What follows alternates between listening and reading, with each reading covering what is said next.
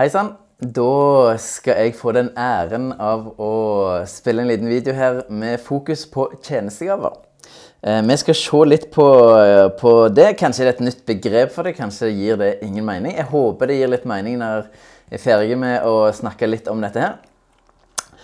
For tjenestegaver er en viktig ting. Det skal vi få se nå. når Vi skal, skal bare rett og begynne å lese fra Efeserbrevet, kapittel 4, og vers 7 og vers 11 og til 13. Og der står det Til hver enkelt av oss er nåden gitt, alt etter som Kristi gave blir tilmålt. Og det var han som ga noen til å være apostler, noen til profeter, noen til evangelister og noen til hyrder og lærere, for å utruste de hellige til tjeneste, så Kristi kropp bygges opp inntil vi alle når frem til enheten i troen på Guds sønn og i kjennskapet til ham, og blir det modne mennesket som er fullvoksent og har hele Kristi fylde. Så dette forteller oss at det er fem tjenestegaver. Du har apostel, profet, evangelist, hyrde og lærer. Det er det denne teksten forteller oss. Eh, og Efeserbrevet er Jeg kan ikke si at det er på en måte litt sånn eh, litt sånn viktigere. Mange av brevene som, som, vi har i Bibelen, er skrevet med en eh, spesiell bakgrunn. F.eks. Korinterbrevet så er det en måte seksuell umoral som er med bakgrunn for det brevet. I Romerbrevet så er det på en måte klinsjen mellom jødekristne og hedningkristne som er tematikken. Eh, og I mange av brevene er det en konkret tematikk som tas opp. Men Efeserbrevet er litt spesielt, for det, der er det ikke en konkret tematikk som tas opp. Og dette brevet ble sendt rundt til mange forskjellige menigheter i det området som vi kaller for eh, Lille-Asia, eller et eller annet sånt.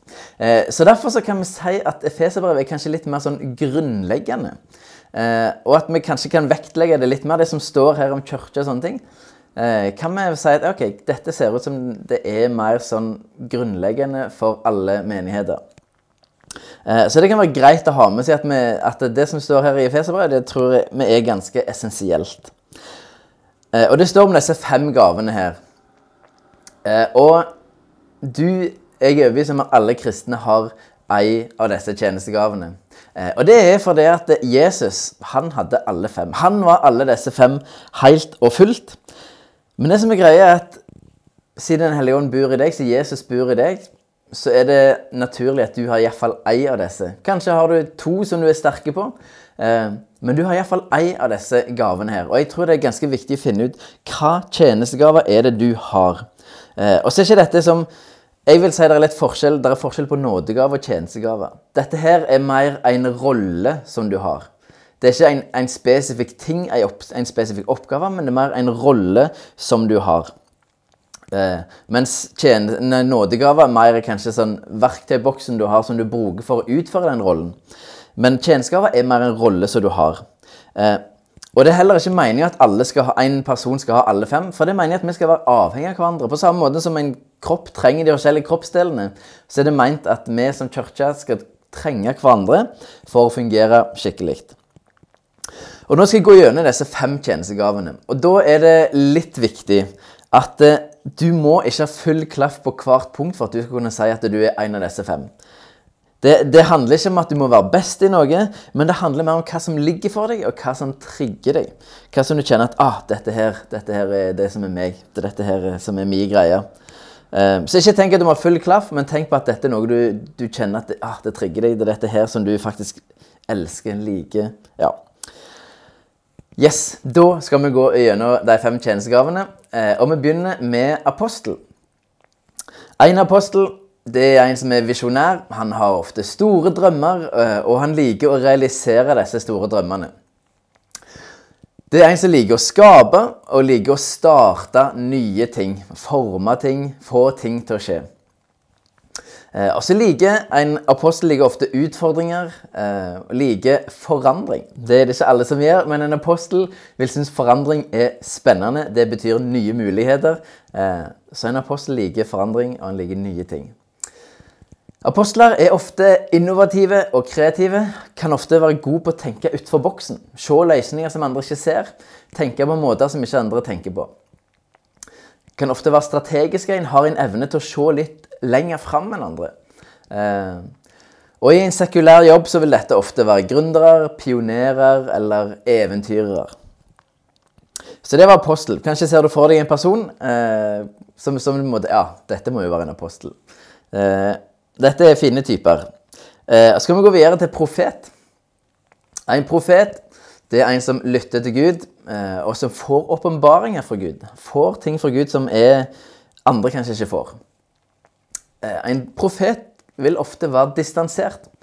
Tar ofte et steg tilbake for å få et tydeligere bilde, eller for å få se situasjonen eh, fra et bedre perspektiv. Så det kan være litt sånn distansert og tilbakeholdende. Liker å være alene med Gud over lengre tid.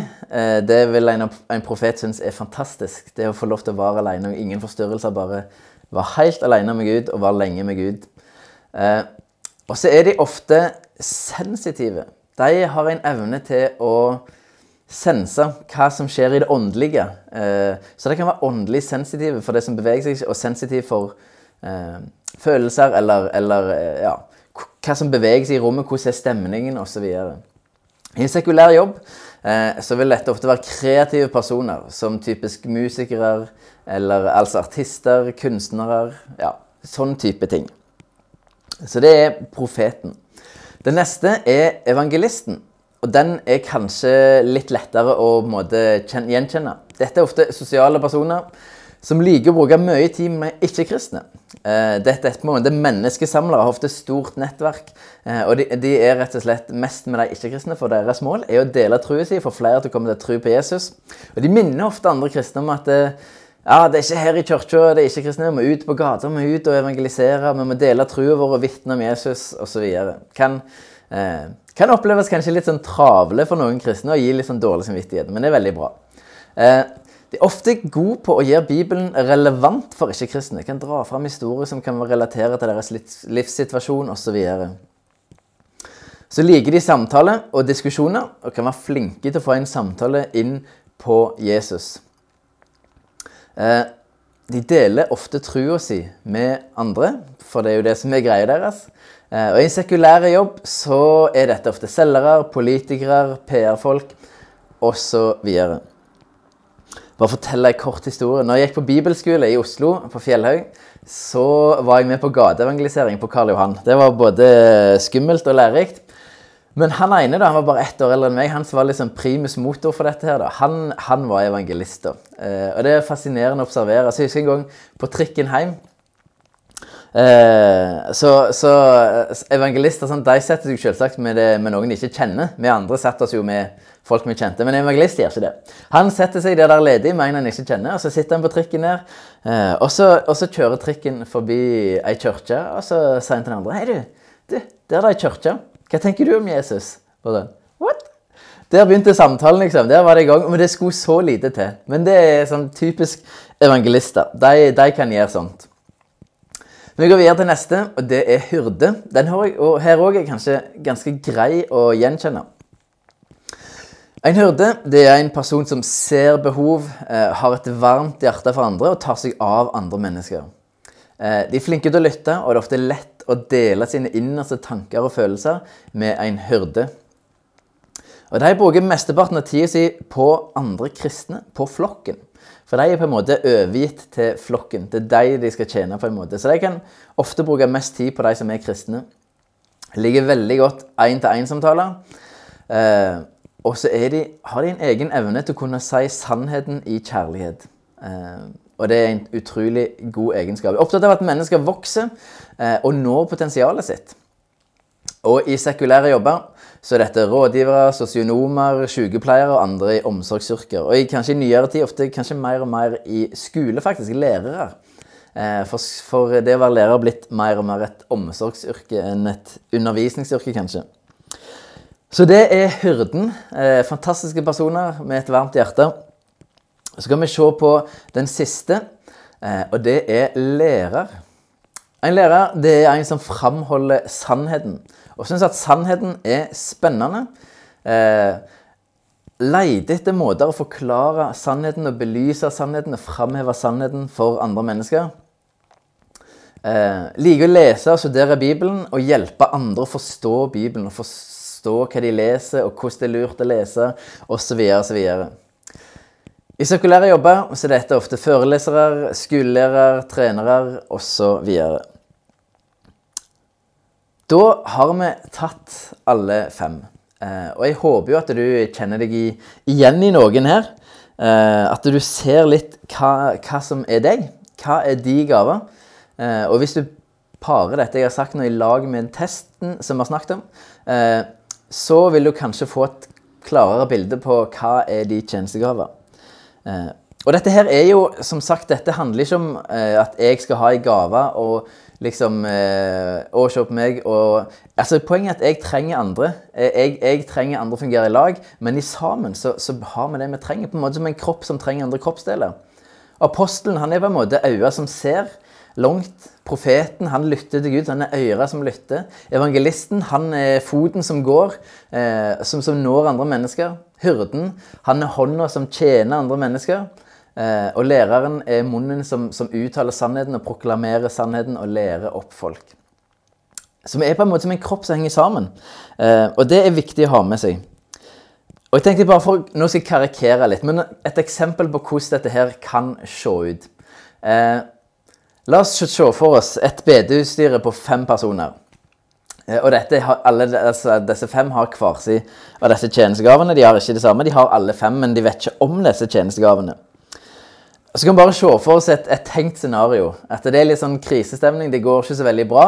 Eh, og se for oss hvordan kan dette være i dette styret. Og så har de møttes en kveld, og så sier apostelen nå er han drittlei.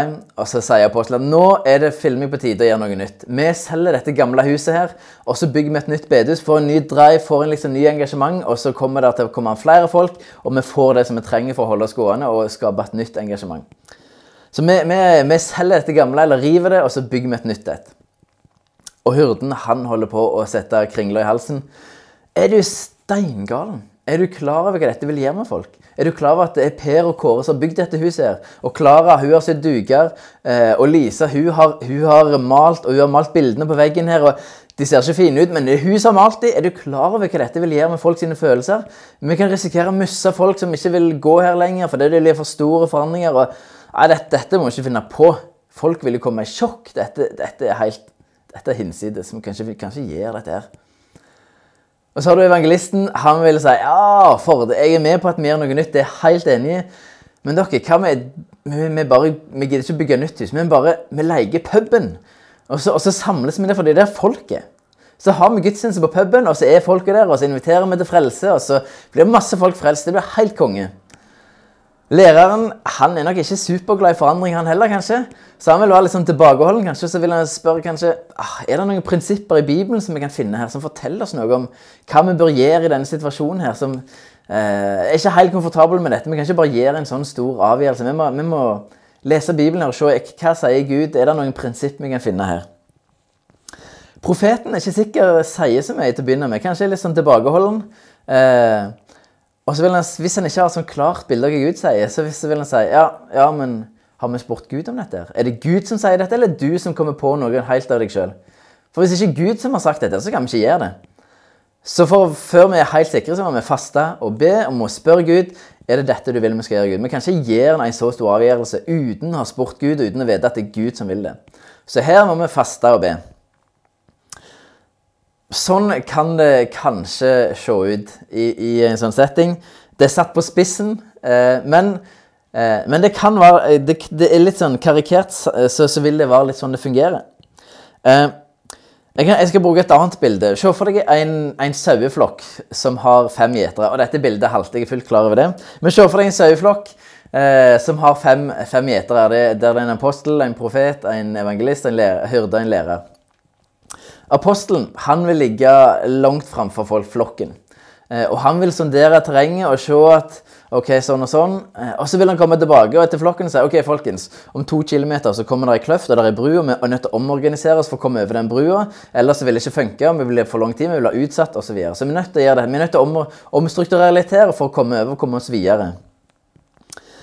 Profeten han vil finne det høyeste fjellet som er i nærheten, for å komme nærmest mulig Gud.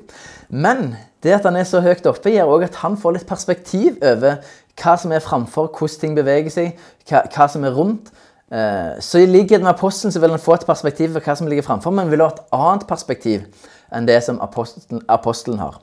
Eh, Så han òg kan komme ned og fortelle hva han opplever med Gud, og hva Gud sier, og hva som ligger litt framfor. Så har du evangelisten, og han er utenfor flokken og han er rundt forbi overalt og samler inn eh, hanken flere sauer og forteller at å, kom igjen, bli med på tidenes beite. Så her er det bare å bli med. Eh, og Så kommer han tilbake til flokken når han har noen å avlevere, og så er det ut igjen og sanke inn nye sauer. Hurden han går helt bakerst i flokken. Eh, og han tar seg av de sauene som har hatt traumatiske møter med ulven, og som har litt sår, og som, som sliter litt og halter litt. Eh, han går og trøster og tar seg av dem, oppmuntrer dem og hjelper dem til å komme over sine problemer og vokse. Og, eh, ja, sånn at de ikke, og passe på at de ikke detter av flokken. Veldig viktig. Så har du læreren som går midt i flokken og som forteller de andre at ah, dette er lurt å spise. Husk å være ed variert her. Det er viktig med, med sunn kost, sånn at du er det skikkelig, sånn at kroppen funker. Du kommer nå fram der du skal. og Pass på å ikke ete denne, for den er litt giftig. Og, da, og ikke spre til andre at det er en god ting å spise, for da, da, kommer mange til å bli syke her, og da har vi et stort problem, og vi mister en del av flokken. og Her er det viktig å spise rett, spise skikkelig, og sånn at alle er sunne og friske og kommer seg fram der de skal. Det, det er litt, litt, sånn det fungerer. Eh, en siste, en siste, måte å se det på er, er kan bruke hånda som et eksempel. Tommelen det er da apostelen. Eh, og Det som er litt spesielt med tommelen, er at det er den eneste, eneste fingeren som kan nå alle de andre fingrene. De andre fingrene kan bare nå én annen. Eh, eller, eller, den som er etter med seg. Og det som er litt greia er at Apostelen han kan fungere i alle de andre gavene. Han vil ikke fungere perfekt, han vil ikke være ekspert på, på alle de andre gavene. Men han vil fungere i dem. Han vil ha, kunne ha evnen ofte til å fungere i alle de andre gavene. Og det gjør ofte at det, eh, hvis en apostel fungerer som hyrde, så vil han fungere sånn tålelig greit. Men det vil gjøre at de som faktisk er hyrder, vil tenke at ah, dette kan jeg gjøre mye bedre. Og så vil de ta, kanskje ta sin plass, og apostelen kan gjøre noe annet genialt. Eh, men apostel han kan, han, kan nå, han kan, fungere faktisk veldig ofte i alle de andre gavene. Så har du eh, profeten, som er liksom opp mot Gud, og som òg kan finne på å si at 'du er mannen'. Sånn som Nathan sa til David. 'Du er mannen'. Eh, får ting, får ting fra Gud eh, og kan fortelle ting. Eh, veldig viktig. Så har du evangelisten. Jeg skal ikke vise evangelisttegnet, men det er den lengste fingeren. Det er den som når lengst. Han, han når lengst av alle, av, av alle, disse fem. Når lengst ut. Så har du hyrden, og det er ringfingen. Eh, det er han som er gift med flokken. Kommer aldri til å svikte flokken. Det er de som kommer på seminar og arrangement som ingen andre egentlig bryr seg om, men, men de kommer av pur lojalitet og for at den som har seminar eksempel, ikke skal bli lei seg og bli skuffa at ingen kommer osv. Det er disse her de lojale folka, de som stiller opp og som aldri svikter flokken sin. Så har du læreren. Det er lillefingeren. Eh, og det er han som, eh, som, ofte kan få et budskap inn i øret, sånn at det klør litt i øret.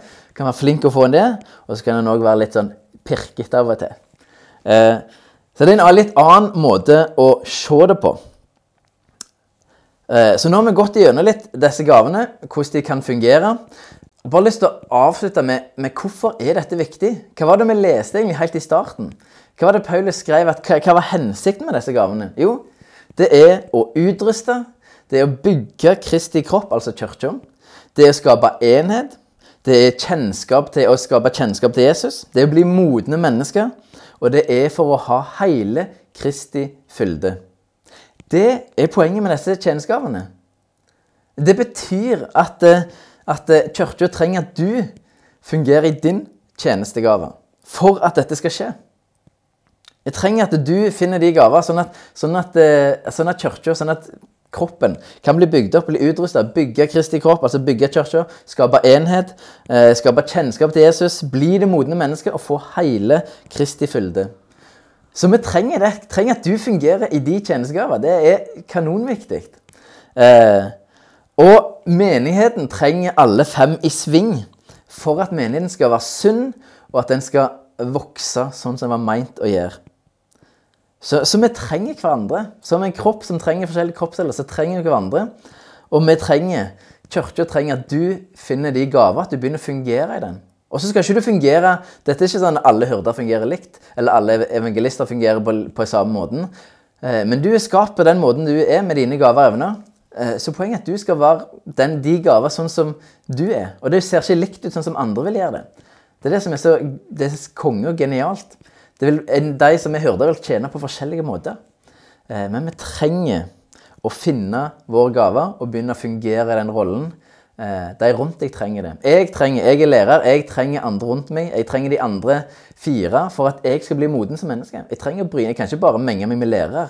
Jeg trenger å omgås de andre, sånn at jeg blir brynt litt eh, på, på, på andre perspektiv enn bare mitt eget. Så oppfordringen er finn ut hva de tjenestegaver er, og begynn å fungere i den, eh, i den rollen. Eh, og Snakk med andre om det, og, og om du trenger hjelp til det, så ta kontakt, så vi kan hjelpe deg å finne en rolle, og finne hvordan kan du tjene best mulig i den rollen.